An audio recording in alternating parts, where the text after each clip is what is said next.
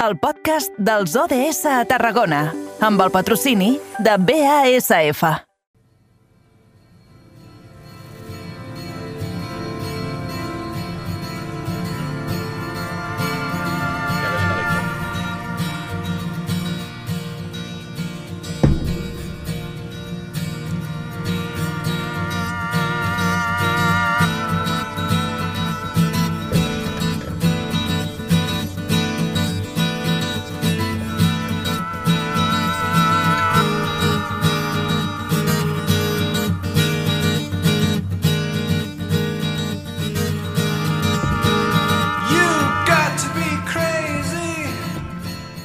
Passen 8 minutets del punt de les 6 de la tarda. No sé si hauran identificat eh, què és això que ens ha llançat el nostre realitzador tècnic en eh, Iago Moreno, que fa que tot soni a la perfecció en aquest programa. En tot cas, no és una banda sonora de proximitat com la que ens presentava el nostre company David Fernández des de la nova ràdio de Reus, sinó que eh, són els eh, Pink Floyd.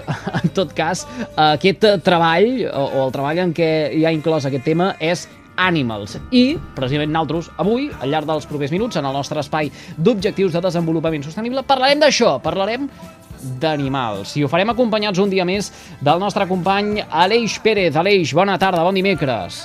Molt bona tarda, Eduard. A mi Pink Floyd ja m'agafa una mica ja lluny, eh? Sí, a veure, a mi també, no són de la meva generació, tot i que he anat a veure Roger Waters un parell d'ocasions al Palau Sant Jordi, però, però, però mira, em convenç, i ja està. Sí, sí. I per això... Mm, per gustos colors, ah, Eduard. Sí, sí, hàbilment en Iago ens ha posat aquests ànimals. Escolta una cosa, parlarem d'animals al llarg dels propers minuts, sí? Uh, sí, sí, efectivament. No vas encaminat, no, Eduard? Ja és que tornem a seguir amb els ODS i avui doncs, parlarem del 13 i del 14 dedicats tant a la vida submarina com als ecosistemes terrestres, respectivament, una mica també doncs, per on es mouen els animals. Avui ens acompanyen una vegada més, un dimecre més, l'Héctor Hernández, coordinador de l'Associació Medioambiental La Sínia per parlar de l'alliberament d'animals exòtics. Molt bona tarda, Héctor. Hola, bona tarda. Bé, primer de tot, jo crec que és necessari definir què és un animal exòtic, què entra dintre d'aquests paràmetres. Doncs mira, les espècies exòtiques, i després parlarem de les invasores, doncs són aquelles espècies que arriben aquí a casa nostra, doncs, eh, tot sovint portades per l'home i molt habitualment doncs, com animals de, de companyia, doncs, comprats per tindre-ho en, un ca en una casa, normalment, o al jardí, i això, doncs, que són espècies forànies que han vingut aquí doncs, això, de casualitat o pel comerç legal i de vegades per comerç il·legal també. Sí, i arriba a haver-hi també un cert punt potser de desconeixement a l'hora d'adoptar o, o, o adquirir aquest tipus d'animals? Doncs sí, la veritat és que malauradament quan comprem una, un animal, una espècie exòtica, doncs moltes vegades, masses vegades, doncs no som conscients del, del que significa, no?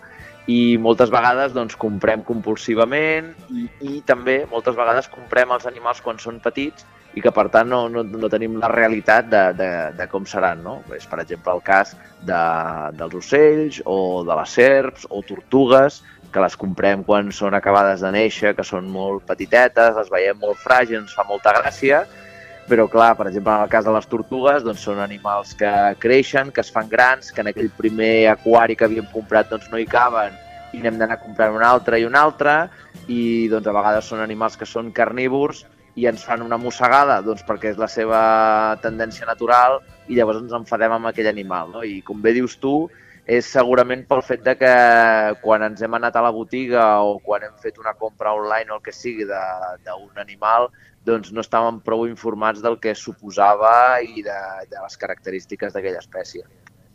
Llavors arriben doncs, aquests casos una mica d'abandonament, malauradament això.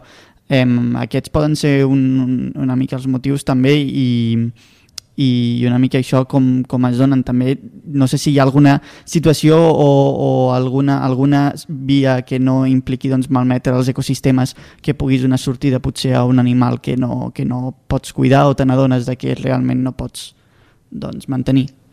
Sí, doncs mira, sí, sí, en el cas de, per exemple, de, de les tortugues, i de fet et dic tortugues, i fa uns anys ens van explicar el cas d'una família que tenia un cocodril que se'ls hi va fer massa Mare gran i el van, el van alliberar al medi natural i bueno, això, això sí que va ser un problema. No? I de fet aquest cocodril està aquí a, al Centre de Recuperació d'Amfibis i Rèptils de Catalunya, a Masquefa, on aquesta gent, doncs, a part de, de l'anècdota del cocodril, doncs, recullen tot tipus de, de tortugues i una mica doncs, el teu comentari, no? si algú que ens està escoltant té una tortuga d'aquestes que en dèiem de Florida, una tortuga d'aquestes americanes, i se'ls ha fet gran a casa a l'aquari i ja no hi caben, doncs una alternativa molt bona és precisament visitar els companys de, del CRARC, d'això, del Centre de Recuperació d'Amfibis i Rèptils de Catalunya, que estan a Masquefa, i allà tenen un, unes instal·lacions adequades i allà, doncs, eh, pagant un petit import, doncs podem deixar la nostra tortuga perquè visqui allà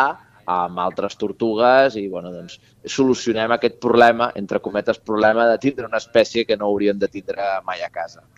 Mm, Exacte, és important també saber, doncs, en el cas de que, de que potser no, no es pugui mantenir o en certa manera potser s'hagi comès un error o veguis que no ho puguis mantenir, doncs que hi ha moltes més eh, moltes més opcions, altres opcions més enllà d'aquest abandonament, no? que és el que veníem a, a comentar una mica i, i tenim un cas recentment que heu comentat vosaltres per Twitter on s'han trobat quatre tortugues de, de diferents espècies, també una mica com, com quin impacte tenen en, en, en, en els ecosistemes aquests abandonaments.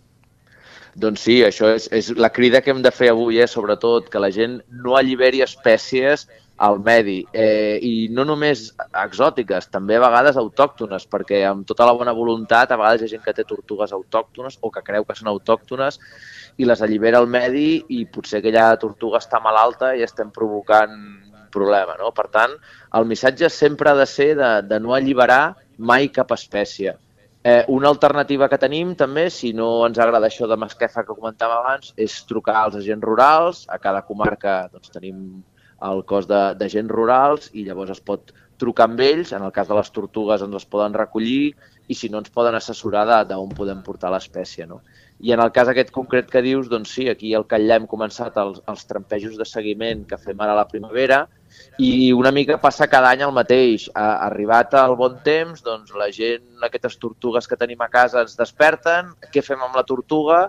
I malauradament, amb una sola jornada de trampeig hem agafat, ahir vam agafar quatre tortugues exòtiques i, i malauradament, deixa'm dir-te, avui hem trobat, eh, seguint aquests trampejos, hem trobat dos cries d'aquestes tortugues alliberades. Per tant, Ostres! no només és l'impacte de, de la pròpia espècie, sinó que a vegades aquests animals es reprodueixen i, clar, i, i continua la problemàtica, no?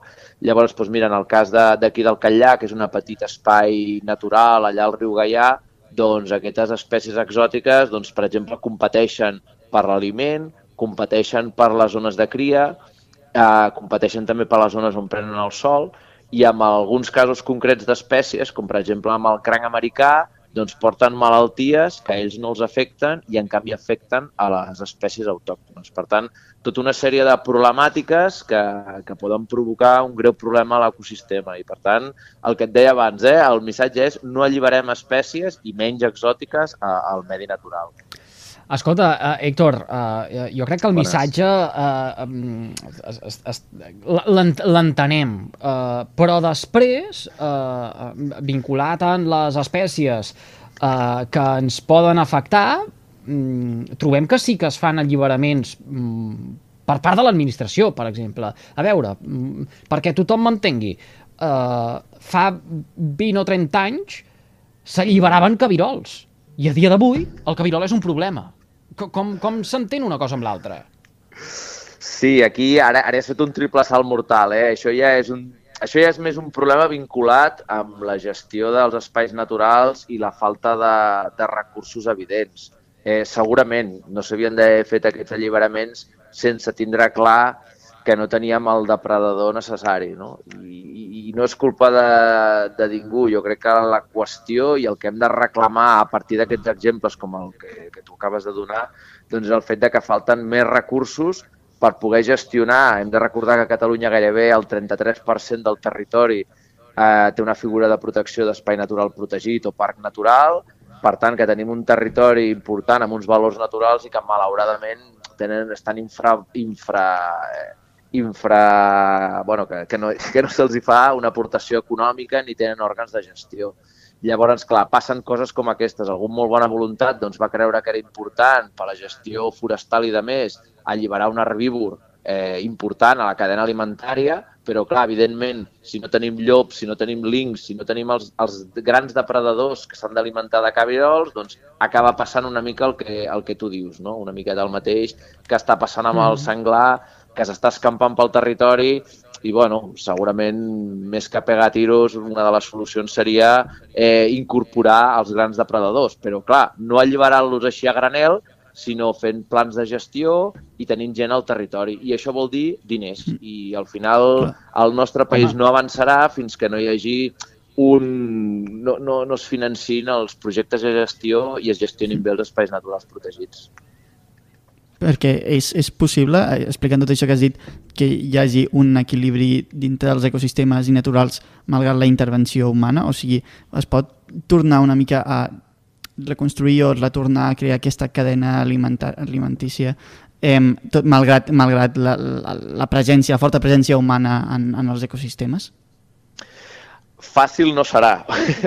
I això sí, sí que és, és, és un tema de, de debat però creiem que és possible. A, petita escala, en molts casos, veus exemples en els quals els ecosistemes funcionen. No? El, els rius mateixos, eh, els rius en els quals hi viuen totes les espècies que hi toquen, doncs veus que, que funciona bé. No? Quan tu t'aproximes a la desembocadura del Gaià, els mosquits no et piquen. Per què? Pues perquè hi ha granotes, peixos, etc. Hi ha l'ecosistema que, que més o menys funciona. No?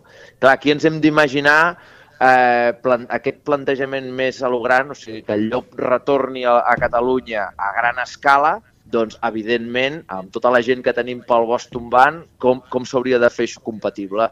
Doncs el que deia una mica abans, doncs, amb tècnics i professionals que gestionen el bosc, amb agents rurals, posant ordre en certs espais, per tant, jo crec que, sincerament, per posar ordre en tot això, i, i de fet, pegar tiros s'ha vist que no és la solució, a Lleida, per exemple, en els últims 10 anys s'han matat més de 24.000 guineus i segurament això és un dels problemes que hi ha ara avui en dia amb la sobrepoblació de, de conill. Per tant, segurament el seu seria recuperar, recuperar el mosaic agroforestal en el qual les espècies trobin refugi, tornar als grans depredadors... Eh, fàcil no és, però segurament hauria mm. de ser el camí cap a on hauríem de mirar. I, i crec vull pensar que, que la Generalitat, amb l'Agència Catalana de la Natura i de més, té una mica aquest objectiu en el fons. Eh? que passa que no, no serà fàcil i, i, i potser s'haurien de fer fòrums de debat i parlar molt més, amb la qual també us agraeixo que parleu d'aquests temes així obertament, perquè com a mínim es faci un debat, no? que no ens quedem només amb la imatge, malauradament, de que hi ha molts jabalis al país, sinó que, que s'hi poden fer altres coses i que necessitem tindre un debat obert sobre totes les masses forestals que tenim al territori déu nhi eh? Qüestions que anem posant damunt la taula. En tot cas, el temps és el que és eh, i eh, penso que amb l'Héctor avui eh, hem eh, volgut encarar moltes qüestions. Eh, que, que ningú es preocupi que l'Héctor algun dia d'aquests el portarem a l'estudi, que ens agrada molt de parlar amb ell i, a més a més, el seu llenguatge pedagògic eh, eh, ens ajuda a entendre moltes coses que passen al nostre entorn i que, malauradament, no acabem de fer del tot bé. Eh, i, I com que no hem parlat de prou coses, Héctor, abans no marxis, eh, deixem que et pregunti encara per un altre tema, eh, que és que el, el, el vinyet, eh, l'espai natural comprès entre Altafulla i eh, Tarragona, hi ha nascut una nova, mm, o, o hi, ha, hi ha hagut una nova posta del Corriol Camanegre. Recordo que l'últim dia que parlàvem amb tu eh, era precisament entorn d'aquesta qüestió. Sí, sí, i tant i tant. Estem molt contents perquè la segona parella de, de Corriol Camanegre ha, ha nidificat aquí al vinyet. O sigui, dos parelles nidificant. Ara hi ha els pollets d'aquella primera camada, i ara hi ha la, la nidificació de la segona. I, i, i saps, sobretot, Eduard, la cosa que, que, que m'emociona més de parlar d'això és veure ahir la tarda, quan estàvem eh, protegint el niu i de més, doncs la gent que hi havia tombant per allà a la platja, hi havia una parella amb binocles, una altra parella s'ho mirava de lluny, gent que estava gaudint, veient els corriols tombant per allà, veient la parella aquesta nidificant. No? O sigui, el fet de, de ser capaços d'integrar eh, passejar per la platja, el turisme, gaudir de l'entorn i gaudir també de les espècies en perill, com és el cas del corriol, nidificant a, a les nostres platges. No? I, I això que parlàvem abans d'equilibris, doncs mira, el Corriol amb això ens dona un exemple, el Vinyet també és un bon exemple de, de gestió i segurament cap on hauríem d'anar. Héctor Hernández, coordinador de l'Associació Mediambiental La Sínia. Gràcies un dia més per compartir uns minutets amb tots nosaltres. Una abraçada ben forta. Vinga, una forta abraçada. Moltes gràcies a vosaltres. Són un quart i mig de set de la tarda. Gràcies també a l'Eix Pérez des de la nova ràdio de Reus. Que acabis de passar un bon dia. Fins demà. Igualment, vagi bé, Eduard.